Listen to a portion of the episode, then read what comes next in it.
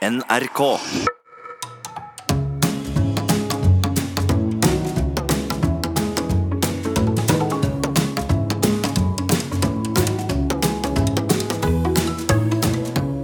Hjertelig velkommen til Sånn er du på P2, NRK selvfølgelig, og i dag har vi endelig fått besøk av deg, bassist, låtskriver og programleder Thomas Seltzer. Velkommen. Hei. Du, du uh, har vært litt motvillig og nølende uh, da vi ba deg om å ta denne personlighetstesten første gang, Thomas. Hvorfor var du så urolig for å bli eh, analysert? Fordi um, jeg tenker at jeg har en uh, I vår kultur, da.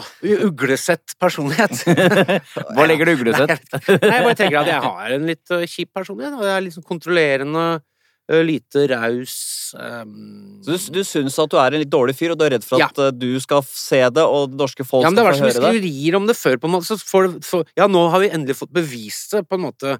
Ja, du har fått stempelet, autorisert stempel, Ja, så nei, du er litt er spent? Jo, Du er ikke sånn at Jeg er jo spent. jeg er jo spent. Det skal jo sies, Thomas, at vi kjenner deg litt eh, fra før av, men allikevel så er vi nysgjerrige på deg, fordi du er en fyr som er litt vanskelig å vurdere, for det er, på en måte så mye av deg. Du er jo en uh, veldig kul fyr. Uh, du kjeder deg veldig fort. Du har noen kjepphester, du, du rir hardt. Du kan være ganske hard, men også en sånn myk side, så i sum så er du på en måte uh, veldig kompleks og vanskelig å se. Vi ser på en måte Thomas Seltzer bare, Nils. Mm. Men du som andre mennesker, altså hvis du har vært i en malingsbutikk noen gang, Thomas, så vet du at alle de mest utrolige farger består jo bare av de enkelte fargene. Enkle farger. Og du også består jo av noen enkle Bra, trekk som vi skal prøve da å kryste ut Yes. av denne k floken Thomas Helser. Vi skal starte med det trekket som eh, kanskje det er minst nerve knyttet til, nemlig trekket ekstroversjon.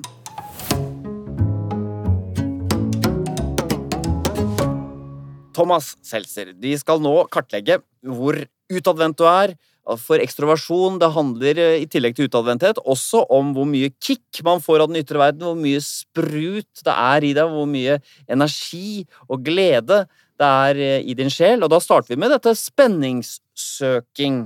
Som handler om i hvilken grad man søker spenning og opplevelser eh, som gir deg et kick. Skårer man lavt, da så har man ikke så behov for spenning. Man holder seg unna risikofylte aktiviteter. Skårer man høyt, så har man et sånt behov for ytre stimulis. Man må få impulser. Hvordan tror du det ligger an her? Eh, Jeg tenker at jeg eh, er på, veldig på søken etter det. Eller? Ja, det er riktig. Kan si det? Du kan si det, og det tallet er 60, minner om scoren. 50 er snitt. Mm. Og 55 begynner å bli høyt. Det går ikke til 100, går til 80. 60 er du, tydelig høyt. Hvilke risikofylte aktiviteter er det du trekkes mot? Jeg surfer. Jeg kan faktisk surfe på litt store bølger. Du kan det. Og det Bølger som andre syns er litt skumle. Ja, det kan nok uh, Lekmann syns nok det. Lille mann i gata syns nok det. Jeg så et uh, trygdekontorprogram hvor du dro da til Amsterdam og prøvde fleinsopp. Mm. Uh, det, er det et utslag av journalisten i deg, eller for at du faktisk syns det er litt spennende å prøve det? Be- Ja, men jeg skal vel svare det første, men det var vel kanskje mer det siste. Eh, Altså, det syns jeg, synes jeg var oppriktig skummelt. Ja, du syns det? Men spennende også, da. Ja, det er klart det. Det er jo Man tenker jo Det er som jeg sa, det er som å havne i det der kaninhullet i Alice i Eventyrland, liksom. At eh, hva, hvem veit hva som skjer der? Ja. Og, og det virker tiltrekkende. Det virker Ja, det gjør det. Ja, for du kunne, Hvordan hadde det vært for deg å dra ned til Amsterdam og teste? Nei, jeg hadde ikke gitt meg noe. Men ikke fordi jeg er redd, nødvendigvis, fordi jeg ikke er så nysgjerrig på hva det vil Du er ikke dratt til. mot den type spenning? Nei, det kaninhølet der, det gidder jeg ikke gå ned i. Nei. Så, men var det, var det sånn at øh, Og da har du prøvd det, og da er det sånn Ja, been there, done that litt, eller? er det? Eh, ja, det er, det er nok det. Jeg har ikke noen sånn bucketlist skrevet ned, men tenker at det Jeg syns det var greit Er greit det å ubehagelig å det. snakke om de dopgreiene, siden det har vært så mye oppslag om det før, at du er litt sånn lei av å komme inn på det? Jeg vet ikke, jeg gjorde et portrettintervju nå De er, jo gjerne like, de portrettintervjuene etter hvert, da. Men jeg, moren min reagerte. Jeg var hos henne og spiste middag, og hun bare Nå har jeg begynt å bli litt lei av narkobrannen. Ja, Ja. det skjønner jeg. Litt lei av vi la det ligge, rett og Men slett? Men hvis hun Nei, blir litt lei av det. Når hun Men- forsvinner, da kan du sette i gang igjen. Men er det for du er ikke lei av det? Er det det du sier? Jo, jeg er lei av det, ja. Men det har bare blitt så mye av det. Jeg har jo ikke hatt så enormt svære narkoproblemer heller, men det er liksom det er en, Den diskusjonen kan vi ta en annen gang. Ja, det kan vi. Men, en, en annen ting, for eksempel berg-og-dal-baner. Alltid hata sånn loop Og det? For der begynner jo fantasien også å spinne med det derre Å ja, han, der står en 19-åring der og røyker rullings og, og liksom, eh, og, og liksom eh, pirker seg i tenna med springkniv. Det er, han som står, og- det er han som har ansvar for livet mitt. Er så, jeg begynner på de resonnementene der. Ikke sant? Han som står og drar gjennom spaken.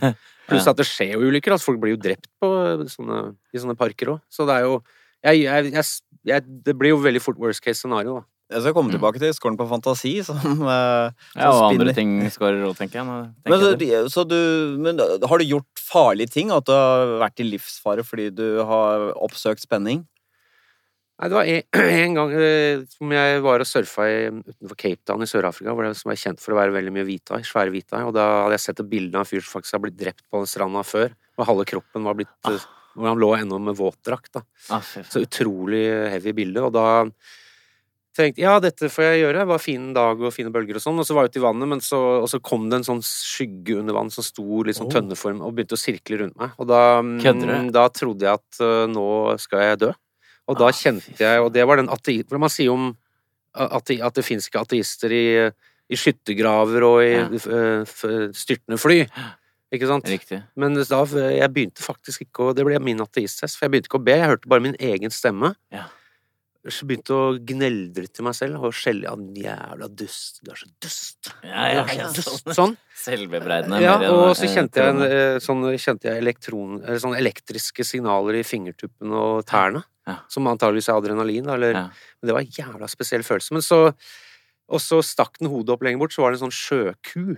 Det var Ah. ikke en hvithai. Så det er på en måte det farligste vel, som Men, kanskje har skjedd men den med. følelsen allikevel, da, av at det var en hai der først Ja, eller den erkjennelsen at Ja. nå skal jeg faktisk dø. Ja. Og det var faen meg Det var, ja, det må jeg si. Det var heavy.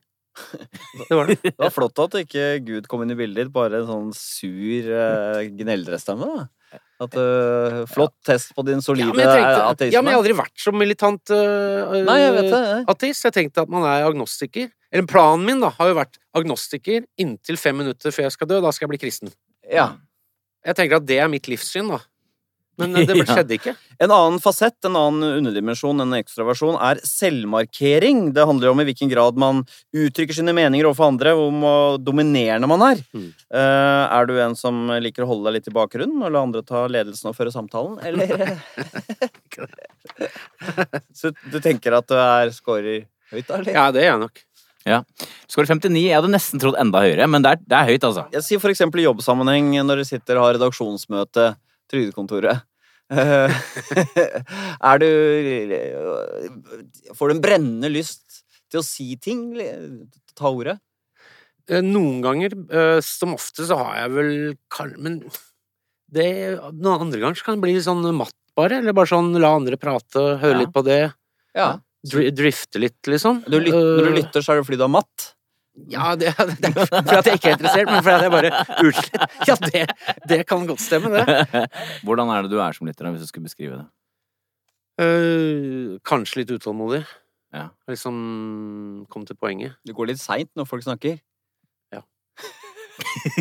Samtidig så skjønte jeg nå, hvis jeg hadde møtt meg selv i et speil, liksom, så hadde jeg fy faen, altså, kan du, hvor lenge skal du prate nå? Ja. Hvor lenge skal du prate nå? Mitt, ditt jævla alter ego.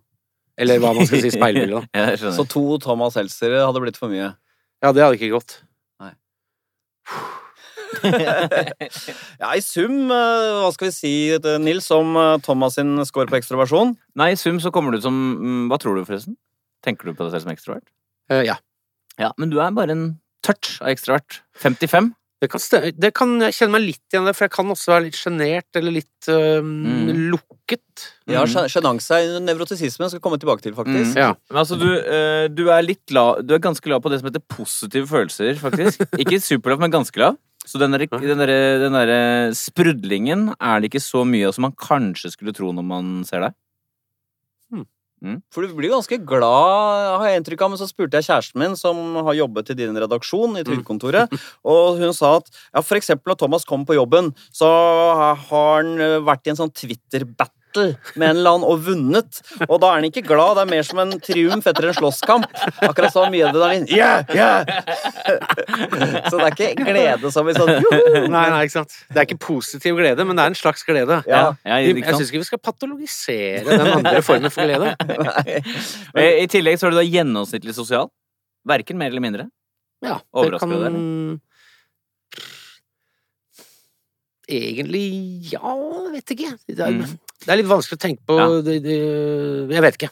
Jeg skjønner. Og så er du ganske travel. Eh, høyt aktivitetsnivå, det trekker opp. Eh, og så er du da eh, spenningssøkende, og så er du på snitt på det som heter ekstravert varme, som vi kan kalle eh, inderlighet og nærhet. Der er du helt gjennomsnittlig. Ok. Mm. Rastløs type, kan vi vel si, Nils. Ja, altså aktivitetsnivå tilsier eh, Altså, jeg vil tro hvis du både er selvmarkerende og rastløs, så blir du en dårlig lytter. Mm. Så det er dårlig det der lytter. Ja. lopper i blod, som man sa før. ja, det er riktig. Så skal vi gå over på dette personlighetstrekket, som på en måte er poetenes uh, personlighetstrekk, eh, nemlig åpenhet for erfaringer. Åpenhet handler jo da om hvor åpen man er mot en ytre verden, mot uh, sitt eget sjelsliv, åpen for inntrykk, impulser. Eh, og hvis man da scorer eh, lavt, så er man da Da foretrekker man det kjente og etablerte, litt sånn konservativt kanskje. Scorer man høy, så liker man da skiftende ting, nye ideer, hele tiden nye ting. Mm. Så vi begynner med åpenhet for handlinger. Altså om du liker å gjøre det samme som i går, eller om du liker å prøve eh, Ja. nye aktiviteter. Det er tvega. Her er jeg delt, tror jeg.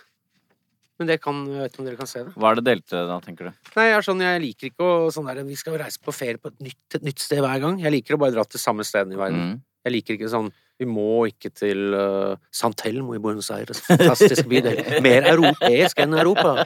Uh, jeg, den er ikke, jeg er ikke på den. Nei, men, du er, men hva er det som trekker i andre retninger, tenker du? Nei, det andre er at jeg er, eh, jeg synes, eller at jeg er nysgjerrig, da. Veldig Ja. nysgjerrig. Ja. Mm. Og spenningssøkende skulle man tro også dyttet her, men Mm, eh, mm. så i sum var Så her tenkte jeg at jeg, at jeg er liksom delt. eller Ja, det første delen av det du snakker om, eh, den ikke så veldig trangen til å dra til den bydelen i Buenos Aires, er den som slår inn her.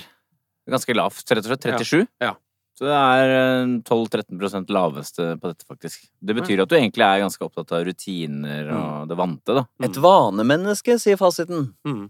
Ja, det er jeg sikkert, ja. Hvilke vaner er det du kan komme på at du har? Av og til jeg tenker sånn om morgenen, så tenker jeg når jeg liksom dusjer og pusser tennene og sånn, så, og tør, bare når jeg tørker meg, så tenker jeg Vet du hva, jeg, det hadde vært gøy å filme seg selv Ja. gjennom liksom 100 dager, og bare sett hvor like de bevegelsene var fra dag til dag. Om du kanskje kunne tatt de 100 Begynner dagene med film og lagt opp oppå hverandre, at det faktisk ville bare vært At det er helt koreografert, da. Altså hele sek at det er helt seks At det er en sekvens, da. Det, det, det har slått meg noen ganger at dette er Jeg, jeg tror jeg gjør akkurat det samme hver dag. Og det gjelder ut av huset, inn i bilen Nei, ikke så, men i hvert fall sånn hvordan man tørker kroppen. Mm. De Ja. tinga der. Altså, Har du, kan, du, kan du nå liksom Vet du hvordan du tørker kroppen? jeg tror jeg må, jeg må være on location. men akkurat, jeg tror jeg er sånn vanemenneske der, og også sånn mat. Ja. Ikke liksom prøve noe nytt. Nei, det gjør ikke Hvis jeg først har en Jeg kan alltid spise det samme hver dag hvis jeg liker det. Ja, du kan det. Hva er det Ja. det går i mye av hvis du Nei, veldig sånn thaimat nå, da. Akkurat det samme. Og det er den samme retten også? Ja, det er nok det. ja, er det det? Ja. Hvor lenge kunne du hvor lenge, ja, Ok, du finner en thairett nå. Hvor lenge kunne du liksom stått i den hver middag? Sikkert til øh, Sikkert over flere år. Er det sant? Kanskje. Og det er såpass, ja. Det er Jeg vet ikke, interessant. men jeg har ikke, jeg har ikke prøvd det. Jeg, Nei, nei. jeg har ikke vært der. Men ja, i hvert fall noen måneder. Ja, Fordi det er ganske heftig. myten om kreative mennesker er at nettopp er litt sånn eh, eh, Prøver nye ting, gjør, går nye veier til jobben, eh, skifter klær, bare gangstil omtrent, bare for å liksom å bryte opp og brekke opp. Mm. Men der er ikke du. Nei. Men hvor- Jeg merker jeg blir irritert på, det, på liksom den skikkelsen du lagde nå.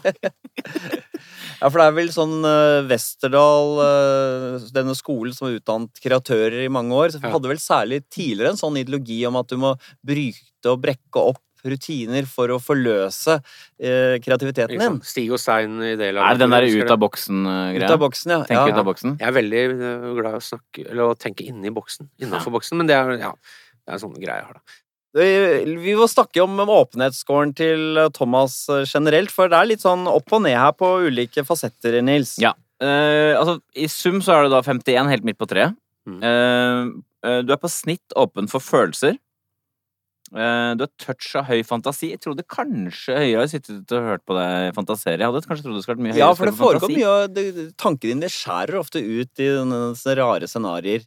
Hvis jeg tenker meg veldig nøye om, så er det akkurat som om de der ko-ko ting til Thomas går i noen sånne egne spor som på en måte gir eh, en slags Som ikke er helt frie allikevel. At det er en profil på Thomas' galskap. Så kjenner jeg på en måte igjen Thomas, og det er en styrke. Det er en styrke. Hvorfor det? Jo, fordi det alle gode, store kunstnere har eh, Signatur. en signatur, en profil. Jeg vil snakke om den scoren du har på åpenhet for ideer. Altså i hvilken grad du er glad i eh, nye teorier, abstrakte resonnement, Mm. på en måte intellektuell virksomhet. Mm. Hvordan tror du du scorer her? Jeg er nysgjerrig på det, men jeg syns ikke alltid det er like spennende. Riktig, du scorer litt uh, under uh, snittet her. Du er på 41. Det er litt interessant, fordi mange tenker på deg som et intellektuelt menneske, men du er egentlig ikke en sånn derre Du kan ikke sitte med pipen og smatte og diskutere med Minerva eller med folk på venstresiden. Sånn ideologiting, det interesserer deg ikke så mye. Jo, jeg, jeg, jeg kan litt om det, Mm. men jeg er ikke så interessert. Men uh, Du er mer opptatt av det morsomme sånn i det. Ja, er mer kanskje å se det absurde eller å se Ja. det morsomme. Men du, du valgte jo ikke å gå videre på studiene. Var det Mm. fordi på en måte akademisk tankevirksomhet ikke appellerte så mye til deg? Ja, altså, det og også lav eh, konsentrasjonsevne, var en sånn sammensurium og egentlig livsstil og noen Mm. sånne karrierevalg og utover det.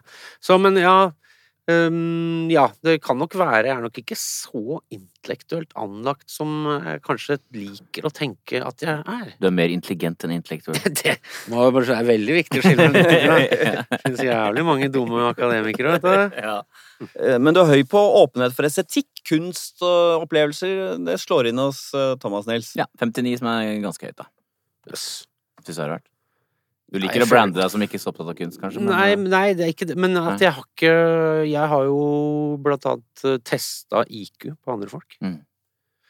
Um, og da er det jo disse spasialøvelsene. Ja. Altså romøvelsene. At du skal mentalt prøve å snu en figur Ja, og prøve å se hvordan den det ser det, ut. Det, det, jeg bare merka meg sjøl at det der er jævlig dårlig. Altså, jeg er jævla dårlig spasialsans. Mm. Og også sånn og Hvis jeg skal innrede et rom, for eksempel. Altså, det høres ut som jeg koketterer. At jeg Og hvordan henger det sammen med estetikk? sånn at Jeg syns estetikk er jævla død. Men altså, ja, hvordan ting ser ut. Og Ja. hvordan ting ser i forhold til hverandre. For Men eksempel- maleri og sånne ting og Jo, altså, jeg liker jo veldig fin musikk og sånn. Kan jeg bli Ja. helt uh, fortapt i, ikke sant? Hva med natur? Ja, absolutt. Veldig. Ja. Så jeg har en eh, form for Jeg har en veldig sans for det sublime, altså disse store Store, store bildene som på en måte Mm. er for større enn språket sjøl. Ja. Og det tenker jeg det er, det er min private definisjon på bra kunst, det er at det er noe som er større enn språket. Mm. For språket er stort, og så Det finnes jo kunst som er mindre enn språket òg. Det er. Men har du, har, du, har du kunstverk hjemme?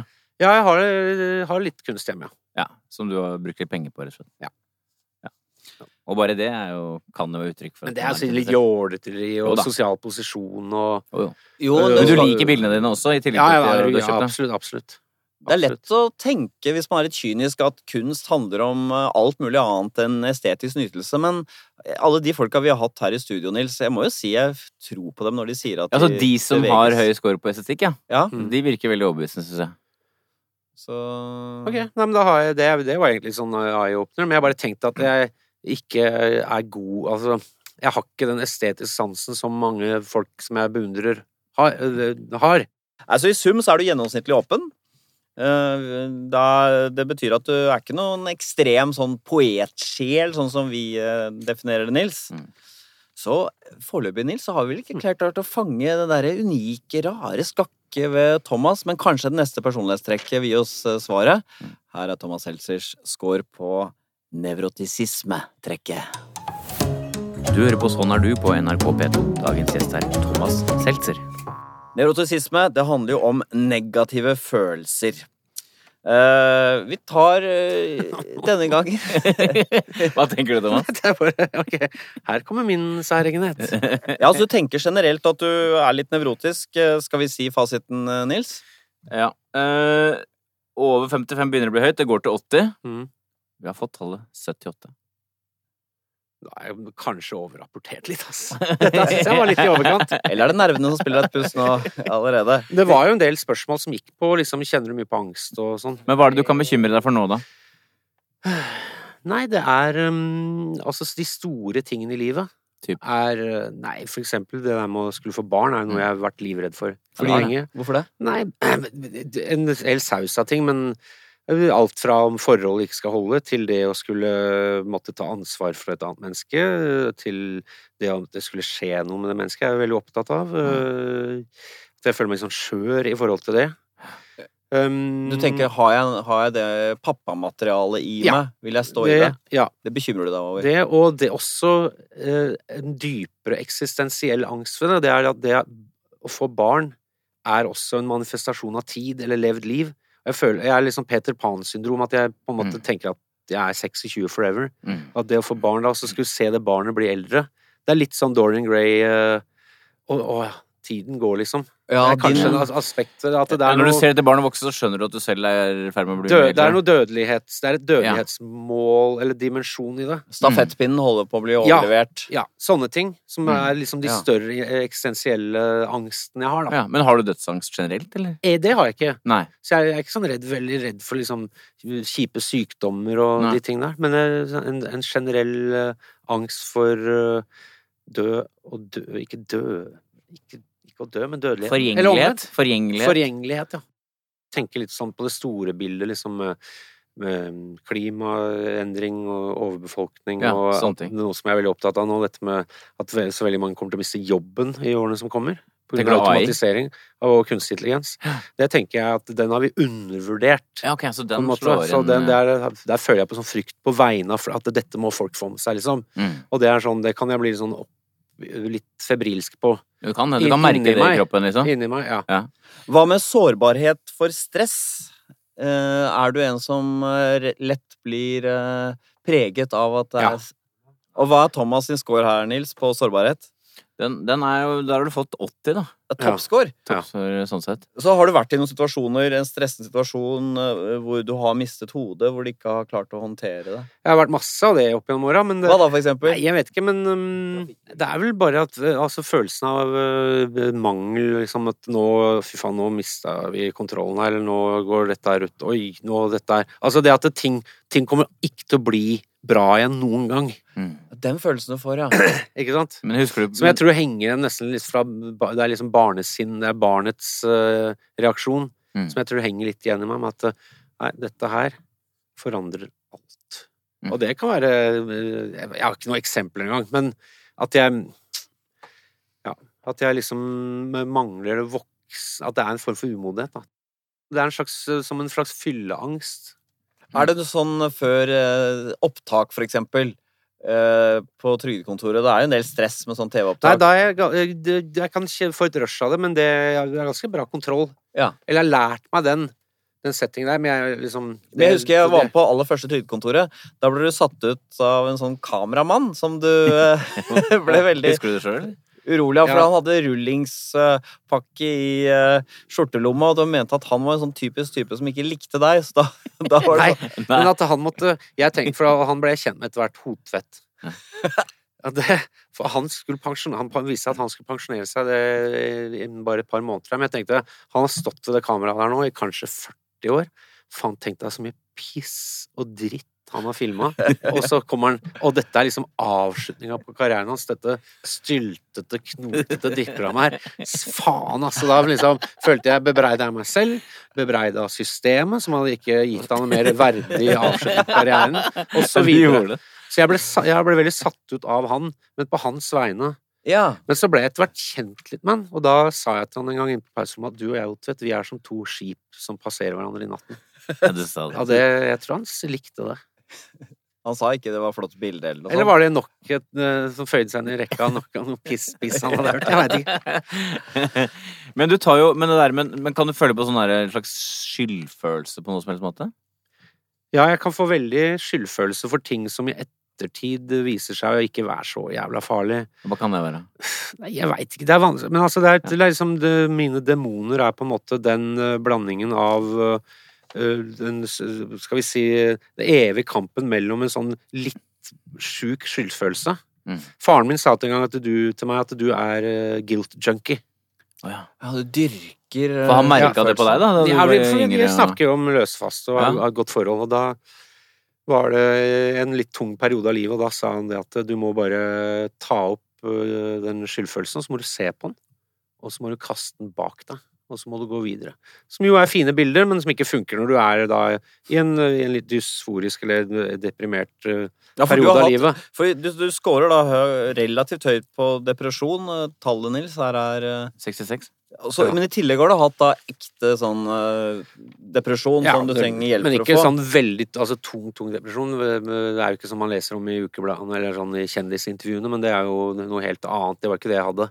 Men det var jo en, en, det var jo en jeg var nok klinisk deprimert. Og da er det sånn at du tar på deg skylda for mange ting? En er det del av eh, Det er jo mange forskjellige liksom, popvitenskapelige definisjoner på depresjon. Noen sier at det er uh, sinne som er vendt innover. Ja. Det andre er jo den følelsen av hjelpsom, uh, hjelpeløshet. Mm. Um, men jeg tenker også den derre at man Jeg hadde veldig mye sånn skyldfølelse for veldig mye ting, og gikk nærmest inn i en sånn Er det en sånn Jim Carrey-film hvor han ikke kan ljuge? Ja, liar. Liar. Ja. Jeg var i en sånn fase, og det er ikke noe hensiktsmessig sted å være, egentlig, eh, Men går som det, et med voksen men for For det er jo så mye av hverdagen som er basert på små uskyldige løgner som får ting til å gå rundt. Men jeg, det var en del av depresjonen at jeg var i en sånn eh, Jim Carrey liar-fasen. Og det var basert på skyldfølelse. Både generell og også spesifikk mot eh, Men det vil jeg ikke snakke om her. Men også mot andre folk. Sånn. Så, ja, okay. så mm, Men jeg vet ikke, jeg tenker at det er min eh, Demoner er liksom han som f- gjør ting. Mm. Og f- liksom eh, Jeg har jo en driv Mm, tenker jeg sjøl, i hvert fall. Jeg vet ikke hva scoren viser, men jeg har en driv, men samtidig har jeg litt sånn derre han eh, dårlig samvittighets-Donald som sitter på den andre skulderen, da. Ja. Jeg har liksom han drivdjevelen på ene Mm. skulderen, og så han dårlig samvittighets-Donald på andre skulderen. Eh, vi har en fasett her som heter fiendtlighet. Hvor mye agg du har i kroppen. Ikke den kan jeg kjenne på litt. At du har en del aggresjon i deg. Mm. Hva er scoren her, Mm, ja, den er tydelig 72. Den er tydelig høy, ja. Mm. Men jeg vet ikke hva det kommer av, liksom, for jeg har hatt det veldig harmonisk harmonisk Men, hvor, men hvordan kommer Eller det hatt veldig fine Nei? Ja, men dette, er, ass. det trenger ikke være noen erfaringer som gjør deg at du er en hissigpropp, men fortell litt om hvordan det er å være Nei, for nå er dette dette helt sånn postfreudiansk. Liksom, bare, alt er liksom kognitivt og wow. Ja, vi, Nils, vi er ikke så interessert i årsaken som vi er i opplevelsen. Vi er faktisk ikke det, okay, altså. okay, jeg skjønner. Jeg skjønner. Mm. Um, For eksempel, du leser noe på Twitter. Eller på oh, sosiale medier. Faen, nå er det i gang. De kjenner Nei, det. vet du hva, jeg har ikke Altså, jeg tror også jeg kan Jeg kan også krangle med folk med ganske eh, lav hvilepuls. Ja. Det vil jeg si. Ja, altså, det er et det er ikke noe hysterisk, liksom. Nei, det er ikke noe sånn derre riv rase, men jeg kan merke Vet du hva, nå ble jeg litt irritert. Og det kan være på ganske lav puls. ja. Men det, det skal vi snakke mer om etterpå. Men hva kan, det er jo også noe som kan fyre deg. Du kan jo irritere deg over ting. Eh, absolutt, men hva er det Hva er det Jo, for, jo sånn anonyme folk på Twitter, det er lite døvt. Så sånn tøffasser med, Ja. med tulleprofilbilde og Ja, ja. Hvordan foregår Sånn det? bilde av Sammy Davis jr. som røyker sigarer med, med øyelapp, liksom. Og så, og så heter han liksom uh, Fy fasan, sjeik Ben Redik Fy fasan. Og så da Og så skriver han et eller annet om deg, eller? er ja, eller et eller annet uh, om, til noen andre, og tenker bare Det er Nei. ikke bare personer, men liksom Ja. Altså, er tøffe, da. Ja. Og liksom jaså Og så er bare Fy faen, du må du bare skjerp deg. Skjerp deg. Stram skøytene. Og, da, og da får du lyst til å gi han en smekk tilbake, da? Driten oppi Driten i kjeften. Rive sånn hårtufter ut av huet på han. Hvilke andre ting kan det være som irriterer deg? I hverdagen også, når du ser folk gå rundt og fomle og stå i veien og være trege i trafikken og sånne ting. Dessverre så har jeg litt av de greiene der, og de, de trekka liker jeg ikke. For det tenker jeg det er sånn gubbe 50 Altså, man tenker at det, det agget skal jo Jeg har jo til lenge tenkt på det. Ok, når jeg skal bli så sinna og sånn, det vil gå ned med testosteronnivået. Så jeg har liksom gått og venta på at testosteronnivået Ja, skal men gå ned det litt. Grann. kommer, det. Det kommer, ned. Ja, Men, husk- husk, men, Thomas, men hvorfor er de er- erketypisk gubbene derre ja, lær å kjøre, da! Eh, altså, jeg blir jeg blir på en måte han, lite grann. Ja, du, du blir det i trafikken, altså. Du roper, sitter inne i bilen og roper. Ja, er en slags, Tuter du? er en slags latino i Ja. trafikken. Du tuter.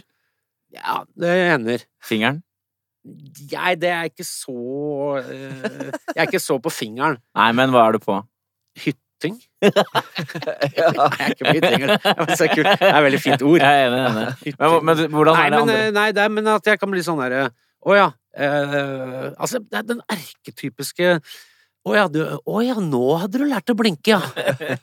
Vi sa jo i stad at du har eh, høy score generelt på nevrotisisme, så det er ikke noe overraskende at du scorer høyt på alle fasettene også. Men en ting vi var litt overrasket over, var at du scorer såpass høyt på sosial angst, altså det som heter selvbevissthet. Ja. Beskriv den sosiale angsten. Hvordan er den er? Nei, altså Hvordan man forholder seg til um, andre folk. Hva de forventer av meg, blant annet. Mm. Tenker du på?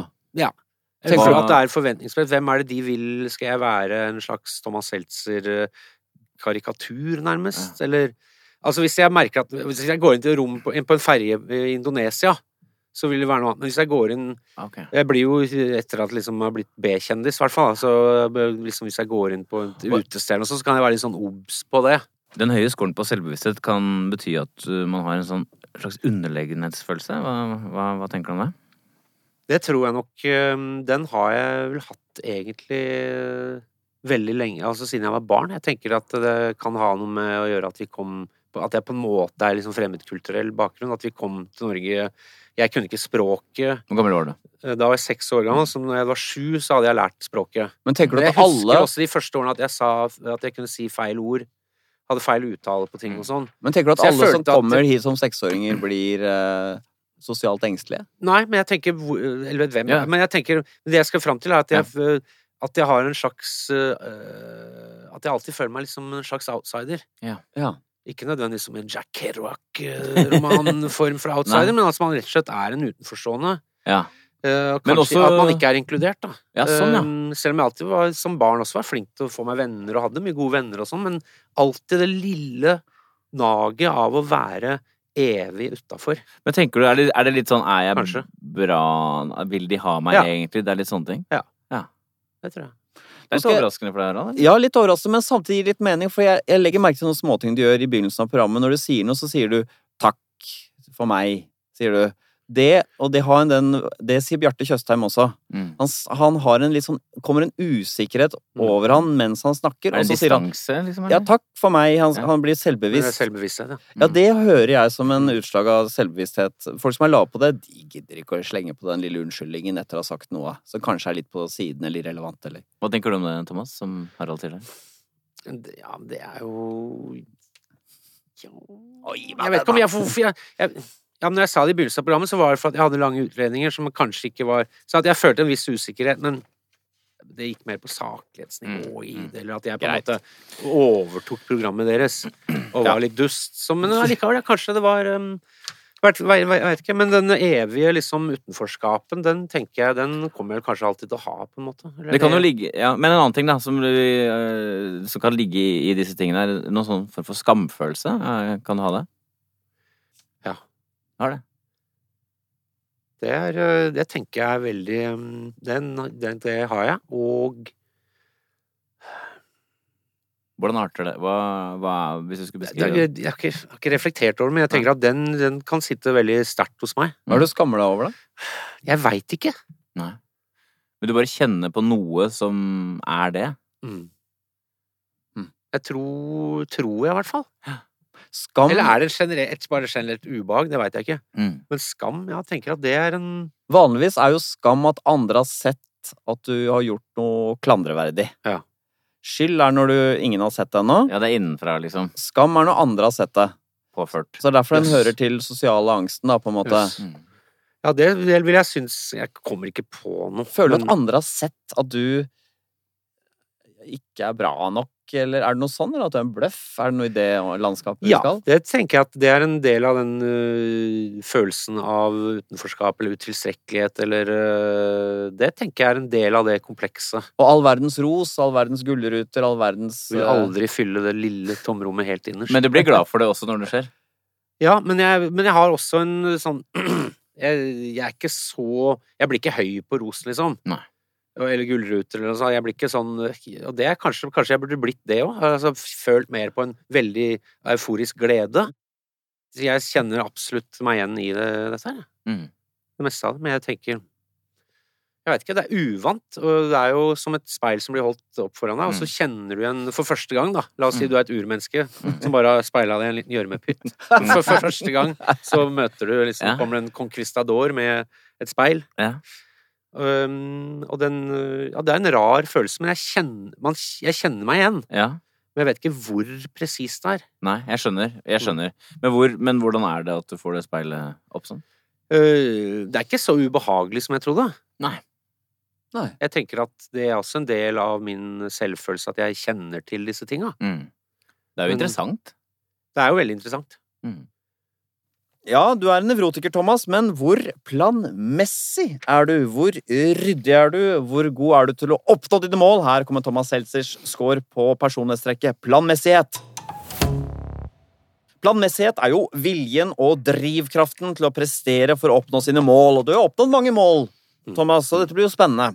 Vi begynner med denne fasetten, denne underdimensjonen som heter selvdisiplin, som handler da om evnen til å påbegynne og fullføre oppgaver til tross for kjedsomhet og distraksjon. Hva var den lyden for noe? Ja. Det var lyden av veldig lavt, og det er helt riktig. 24. Fy faen. Men du sa jo å, å, Nei, hva, nei. hva var det du tenkte? Nei, det, er- det er greit. Det er en, jeg er ikke noe sånn smertefull erkjennelse, det, altså. Nei, Kjeder du deg? altså, Hva skjer når du Hva er denne lave scoren? Hvordan oppleves den? i- Kjedsomheten øh, får utslag, eller det, det er vel Vi har en liten diskusjon med Cecilie, dama mi, nå, for at jeg sa i et intervju at jeg har ADHD. Ja. Og så tenker jeg at jeg det er ikke helt sikker, og hun møter jo det hver dag i jobben sin som, med barn og unge. Men øhm, jeg tror det er allikevel noe der. Altså at ja, tankene flyr veldig vekk andre steder dersom det er noe som ikke fenger veldig, da. Ja, for det er akkurat det. Er det interesserer deg, så flyr ikke tankene, men er det litt sånn kjedelig, så flyr det. Da flyr det, ass. ja, for, Hva er det som kan være kjedelig, for eksempel? da? Nei, jeg tenker for eksempel det å være i en eh, undervisningssetting. Ja. Altså den klassiske. Det der med å Hva er du, I auditoriet, liksom? Jeg i auditoriet. Altså, siste gang jeg var på Blindern, da var jeg 25, og det, da orka jeg ikke mer, liksom. Da Ja, for tankene for. tankene for og ble til liv. Ja, ja, for du hadde Hva med redaksjonsmøter? De, TV er jo veldig sånn pirkearbeid ofte. Så gjør vi Ja, det, så gjør vi det. ja, det er jo veldig pirkete, faktisk. Mye mer enn det man kanskje tror når man ser på det endelige resultatet. Men det er jo Hvor, ja, hvordan er du i pirkesituasjoner? Nei, det er Åh, da er kribler, koker i hjernen, liksom. Det er sånn Åh, nei! Jeg greier ikke å fokusere på dette her. Og du gjør ikke det? Ja, det er såpass, ja. Så nei, så jeg, jeg identifiserer Altså, jeg har veldig sånn empati med, med liksom barn med ADHD. Men jeg er, så, så du er en som klassisk trenger en redaksjon, da, for å si det på den måten? Din kjæreste har også jobba med Thomas. Hva, hva sier hun? Hun øh, har noen morsomme historier iblant. Nå dunker han pannen mot mikrofonen her. Fordi det, de sitter og har et redaksjonsmøte, kan hun fortelle, og så kommer det inn la oss si for eksempel en kobberribbe, en hund, og da er Thomas Bryter av alt, selv om det er én time til opptak. Nei, men se på den hunden, og sånn. Så det er, det er veldig lett å distrahere. Kjærkommen avbrekk. Det, Ja, det, det de avbrekkene er kjærkomne, ja. ja Men det er hvordan- absolutt, ass. Altså, jeg vil gå så langt som å si at jeg kan sovne uh, i nesten mid uh, conversation, på en måte. Altså, jeg kan sovne eh, hvis, hvis jeg er i en samtale som Eller hvis jeg er i en setting Men jeg, jeg er også litt søvnig av meg. Litt sånn, jeg vet ikke om det er narkolepsi jeg har, men uh... Du er rask på din diagnoseavtrekkeren. Ja, men, man, Ja, ja. men at det er veldig sånn sovet av meg. Ja. Så enten så må jeg stimuleres, eller så kan jeg faktisk sovne i, uh, i en slags eh, dialog, nesten. Du kan det. Men, uh, men lesesalen den gangen du var student, klarte du å holde, holde ut der, liksom? Nei, egentlig ikke. Men hvis det var noe jeg syntes var interessant, da, kan, da er jeg med. Ja. Men eh, det hender jo Da var det vel mer, ofte enn eh, sjelden at det ikke var så interessant, da. Men livet er jo fullt av kjedelige ting man skal gjøre. Eh, og ifølge vår test så vil du slite veldig med ting som er ulystbetont, da. Mm. la oss si klippe gresset, eh, male et gjerde Jeg vet ikke hva som Nei, kan det Altså, vet du hva? Jeg har ikke Altså, det meditative ved liksom sånne jobber som det, det digger jeg. Ja. Men det har kommet kanskje litt med, med en slags modning, da. Så hva er det det kjedelige som er vanskelig for deg å gjennomføre, da? hvis, det, hvis det er et eller annet, en, en eller annen obligatorisk oppgave jeg må gjøre, eller øh, ja, altså, Du klarer ikke å motivere deg for det? Ja, altså fylle ut selvangivelse, Selvangivelse. for eksempel. Ja. Ja. Det er sånn åh, fy faen, liksom. Det vokser på deg som en sånn uoverkommelig ja. Men jeg, jeg tror jeg har blitt bedre til å ikke utsette ting. Og at jeg finner en glede i å Nå, vet du hva, nå bare, vet du hva, fuck it, jeg bare gjør det nå. Mm. Altså, jeg har på en måte lært meg å utfordre meg selv lite grann. Mm. Så du, du klarer å forholde deg til tidsfrister? Ja, men det er med på et uh, hengende MFH, som er et Ja, ord vi bruker fra- Nei, det er Jeg skal ikke Jo, forklar det. Det er et fra lydteknikk. Når vi må skru opp noe bitte, bitte lite grann, så er det skru opp et MFH, altså et myggfitt over. er det gøy? Ja. Vi tar bort dette her. Nei, dette tar vi ikke bort. Det er gøy, for det er akkurat sånn hodet ditt jobber. Men hvordan, ja, men hvordan er Jeg husker ikke hva du spurte om. Jeg- jeg husker det. Jeg husker ikke hva du spurte om. hva er, ditt, hva er ditt forhold til tidsfrister? Det er øm, at jeg greier å levere, men ø, veldig sånn siste pugg siste natta. Ja, ok. Men var det enda verre før, eller var det annerledes før? Nei, på en annen måte så liker jeg Jeg kan bli sånn rusa på tidsfrist nå. Altså på det rushet på å få til ting ø, liksom i siste liten. At det er en liten sånn ekstremsport i det. Hvordan er det for deg med sosiale medier eh, med så mange avbrytelser? Nei, ja, det, er, det er et problem. Altså lett, lett Blir lett hekta på det. Ja, og lett er distrahert. Mm. Så du blir, både, ja. du blir både lokket til det, øh, men også hvis det er noe kjedelig som skjer, så blir du også bare- dratt mot det. Det er en annen Jeg vet ikke om det er så jævla spennende i seg selv, men jeg blir liksom sittende og se på øh, Cecilie, kjæresten min, sier jo altså, kan du legge, nå må du legge bort telefonen. Altså, det er du på sosiale medier nå? Nei. Hva er det du driver med? Nei, jeg driver og sammenligner flypriser. Og da kan, da kan jeg gjøre det i seks-sju timer og bare sammenligne flypriser til et reisemål. Skjønner du? Ja. Altså, det er en, en, en form for meditasjon, da. Det er ikke det at jeg sitter og, og håper jeg får noen likes. Det er, ikke, det er ikke den. Det er bare at jeg kan eh, finne en form for ro eller meditasjon, da. I å for eksempel bare gå gjennom en Facebook-feed og lese forskjellige ting. Statuser eller artikler. Ja. Men kan du Det lese er sånn at jeg Det det er en uh... En gang sa du til meg at det var ingenting som roet ned nervene dine mer enn å lese om østfronten i andre verdenskrig. Stemmer. Hva er det med den Det er jo litt sånn at man øh, sammenligner livet man har med Hvis jeg sover, for eksempel, så tenker jeg eh, Tenk deg, jeg kunne vært i Stalingrad i januar 1943. Den kulda og den terroren. Ikke? Men her ligger jeg med en dyne. Og så kjenner og du søvnen komme. Å, så godt. Så godt. Ja. Og da, kom, da kan jeg sovne. I sum så er du, Thomas, svært lav på planmessighet. Hvor lavt da, Nils? Eh, 31. Eh, du har da litt lav pliktfølelse. Lav selvdisiplin. Faen, for en fyr, altså. Ubetenksom. Eh, det eneste som ikke er lav, er at du har en touch av Du er en touch av ambisiøs. Du vil bli best. Det er en balle Det er en rasse dere beskriver her. Nei, nei, nå er det demonene som snakker. Men i sum eh, litt lav på planmessighet. Så blir det jo spennende. Vi har jo hatt dette oppe. Du er jo bekymret, Thomas. Er du psykopat? Er det noe feil med deg? Og denne personlighetsfaktoren vi skal snakke om nå, er vel det som ligger nærmest eh, det du frykter mest. Her er Thomas Seltzer score på medmenneskelighet. Du hører på Sånn er du på NRK P2. Dagens gjest er Thomas Seltzer. Medmenneskelighet. Vi liker jo å kalle det for eh, omgjengelighet, vi, Nils. For det handler på en måte om samarbeidsvilje. I hvilken grad man kommer folk i møte med åpne armer, eller om man møter folk med piggene ute. Og her skal vi begynne med denne fasetten som heter føyelighet. Dette handler jo om hvordan man oppfører seg når det oppstår en konflikt. Tenker du at du skal være høyt eller lavt her, Thomas? Nå må du konsentrere deg, da. På føyelighet. Er du en som trekker deg unna i Nei, jeg er ikke spesielt føyelig. Nei, du er svært lite føyelig ifølge den testen her. 23. Eh, du er ikke konfliktsky. Så sammen med fiendtligheten din, at du har så mye aggresjon, så vil jo dette bety at du står godt i det igjen når det oppstår en krangel, ja. Man merker når man krangler med deg, for å si det sånn. Ja. Du krangler ikke på den. Uh, Skal jeg, skal jeg ta det med? Skal vi ta metakrangel? Skal jeg metakrangle på men fortell om krangler Fortell om konflikter du har vært i hvor du har stått godt i det. Nei, jeg veit ikke. Det Jeg er vel litt lite føyelig, ja. Og Men jeg liker å tenke at jeg har lært meg å bli det mer.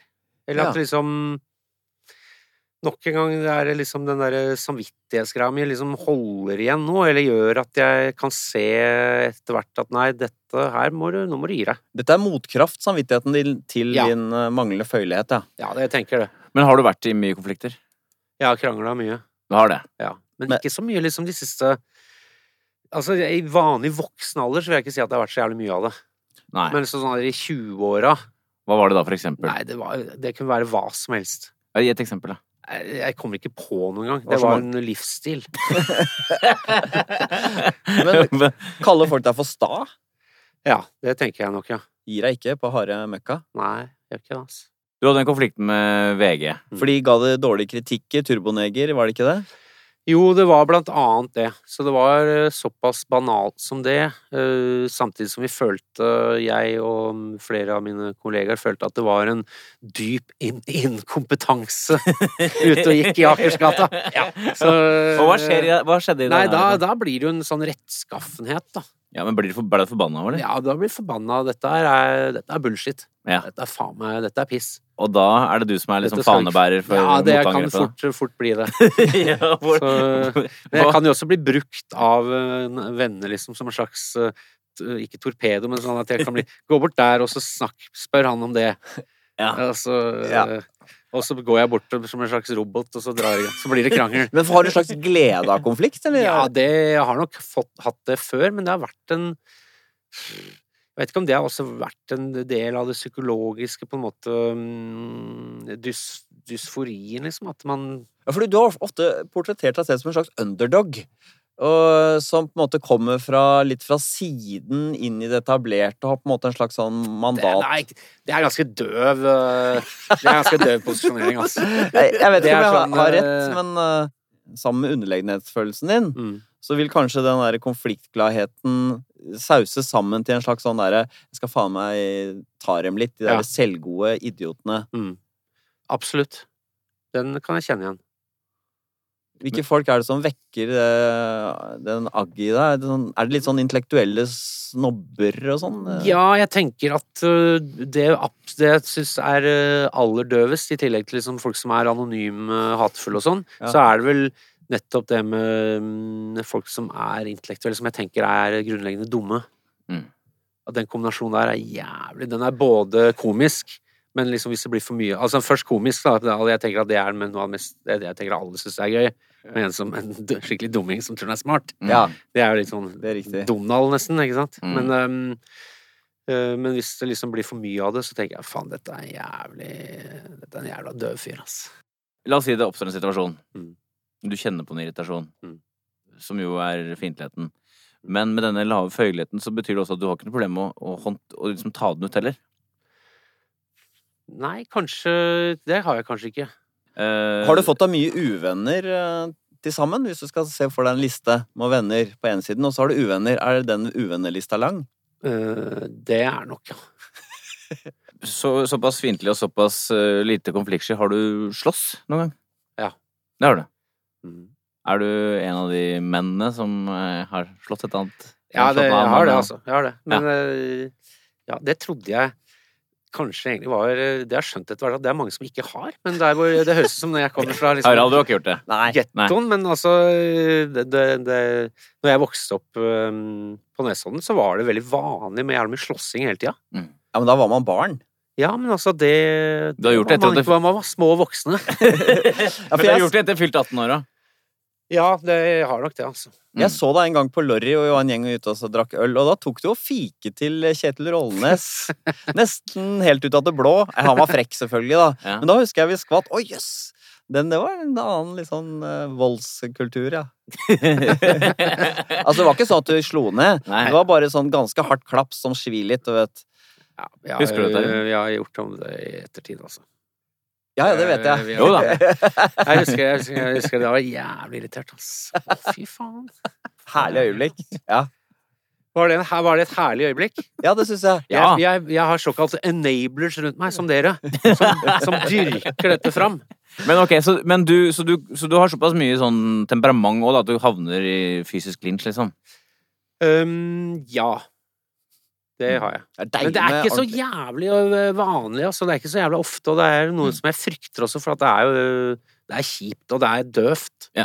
Det er skikkelig døvt, altså, vold. Ja, vi, Og det er øh, Jeg syns ikke det er noe Du sier nei til vold, Thomas. Jeg sier nei til vold. Men jeg sier tja. Har du slått ditt siste slag? men ja til vold. Har du, ja. har du slått ditt siste slag? Ja, det var- Ja, det vil jeg ikke si. Det er Eh, farlig å si det. Ja, det er nok av Det er noen nevemagneter der ute som, Ja, for lurer. ja, for det er jo veldig Det, det husker jeg du var opptatt av. Det ord, du brukte ordet nevemagnet. Det var den første jeg husker som brukte det. Ja. Det ligger jo mye i fiendtlighet og fe- lavfølgelighet knytta til nevemagneten. Nå, nå, nå kommer jeg på, du, du inviterte jo nylig avdøde forfatter Jon Michelet til en slags slåsskamp en gang også, husker jeg. Fortell litt om det. Så det var jo sånn eh, møte på Mono om hvor, hvor går kafé i Oslo. Hvor går venstresida? og så var eh, Og det var jævlig mye døvt som ble sagt der, men da, eh, han Anders Heger og Jon Michelet sa, jævlig, som, sa ting som jeg syntes var jævlig døvt. Da. Og da sa du, du din femte generasjon, hva, jeg skal- adelsslekt, jeg skal fader meg skal du få deg midt på trynet. Ja, du var, du var såpass det konfronterende. ja, det var Men det- jeg snakka med ham om det etterpå, da. Ok, du la deg flat og, og skvære opp. eh, Skjønner. God stemning da, altså. Så er det en annen fasett under eh, medmenneskelighet som heter følsomhet, eller empati kan vi også kalle det. I hvilken grad eh, andre menneskers følelser eh, slår inn hos deg. Mm. Tenker du at du er et empatisk menneske, eller kjenner du ikke andres glede og smerte i noe særlig Jeg tenker at jeg er et grunnleggende empatisk menneske. Det er du. Du er et grunnleggende empatisk menneske. 63, tydelig høyt. Ja, ja. Nadina, kjæresten min som har jobbet sammen med deg, fortalte meg en historie om at hun satt i NRK-kantina sammen med deg, og der er det ofte skolebesøk, og da var det en gutt eh, som var i en sånn klasse på besøk, som var ca. 15 år, da, som ble sittende alene, og da så hun hvordan blikket ditt gikk mot han et par ganger, og så gikk du bort til han og snakket med han, og fikk han til å skinne og føle seg godt. Ja.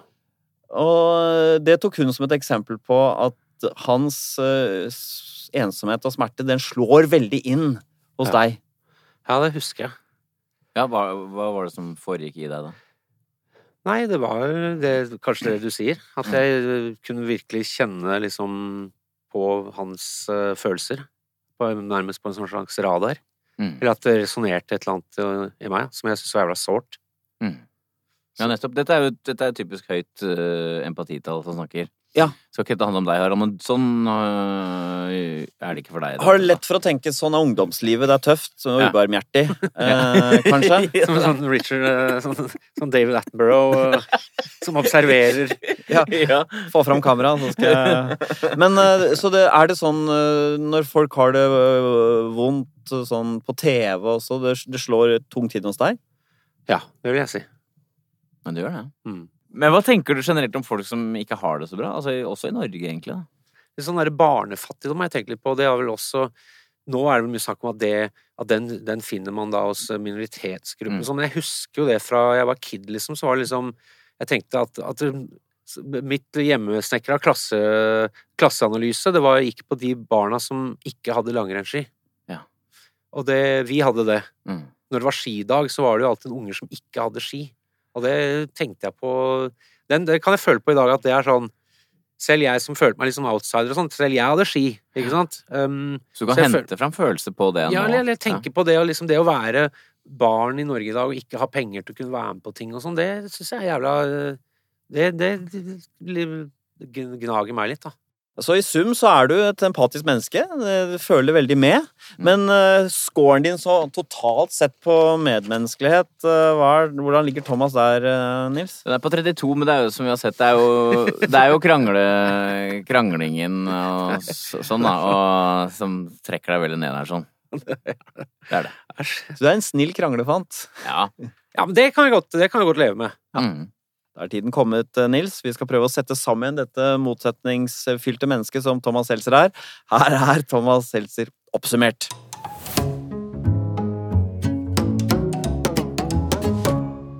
Thomas, du er jo en mann av store indre motsetninger. Det har vi vel kunnet fastslå.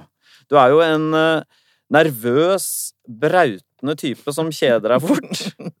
Eh, og som har fått til utrolig mye til tross for hvor rotete og lite planmessig du er.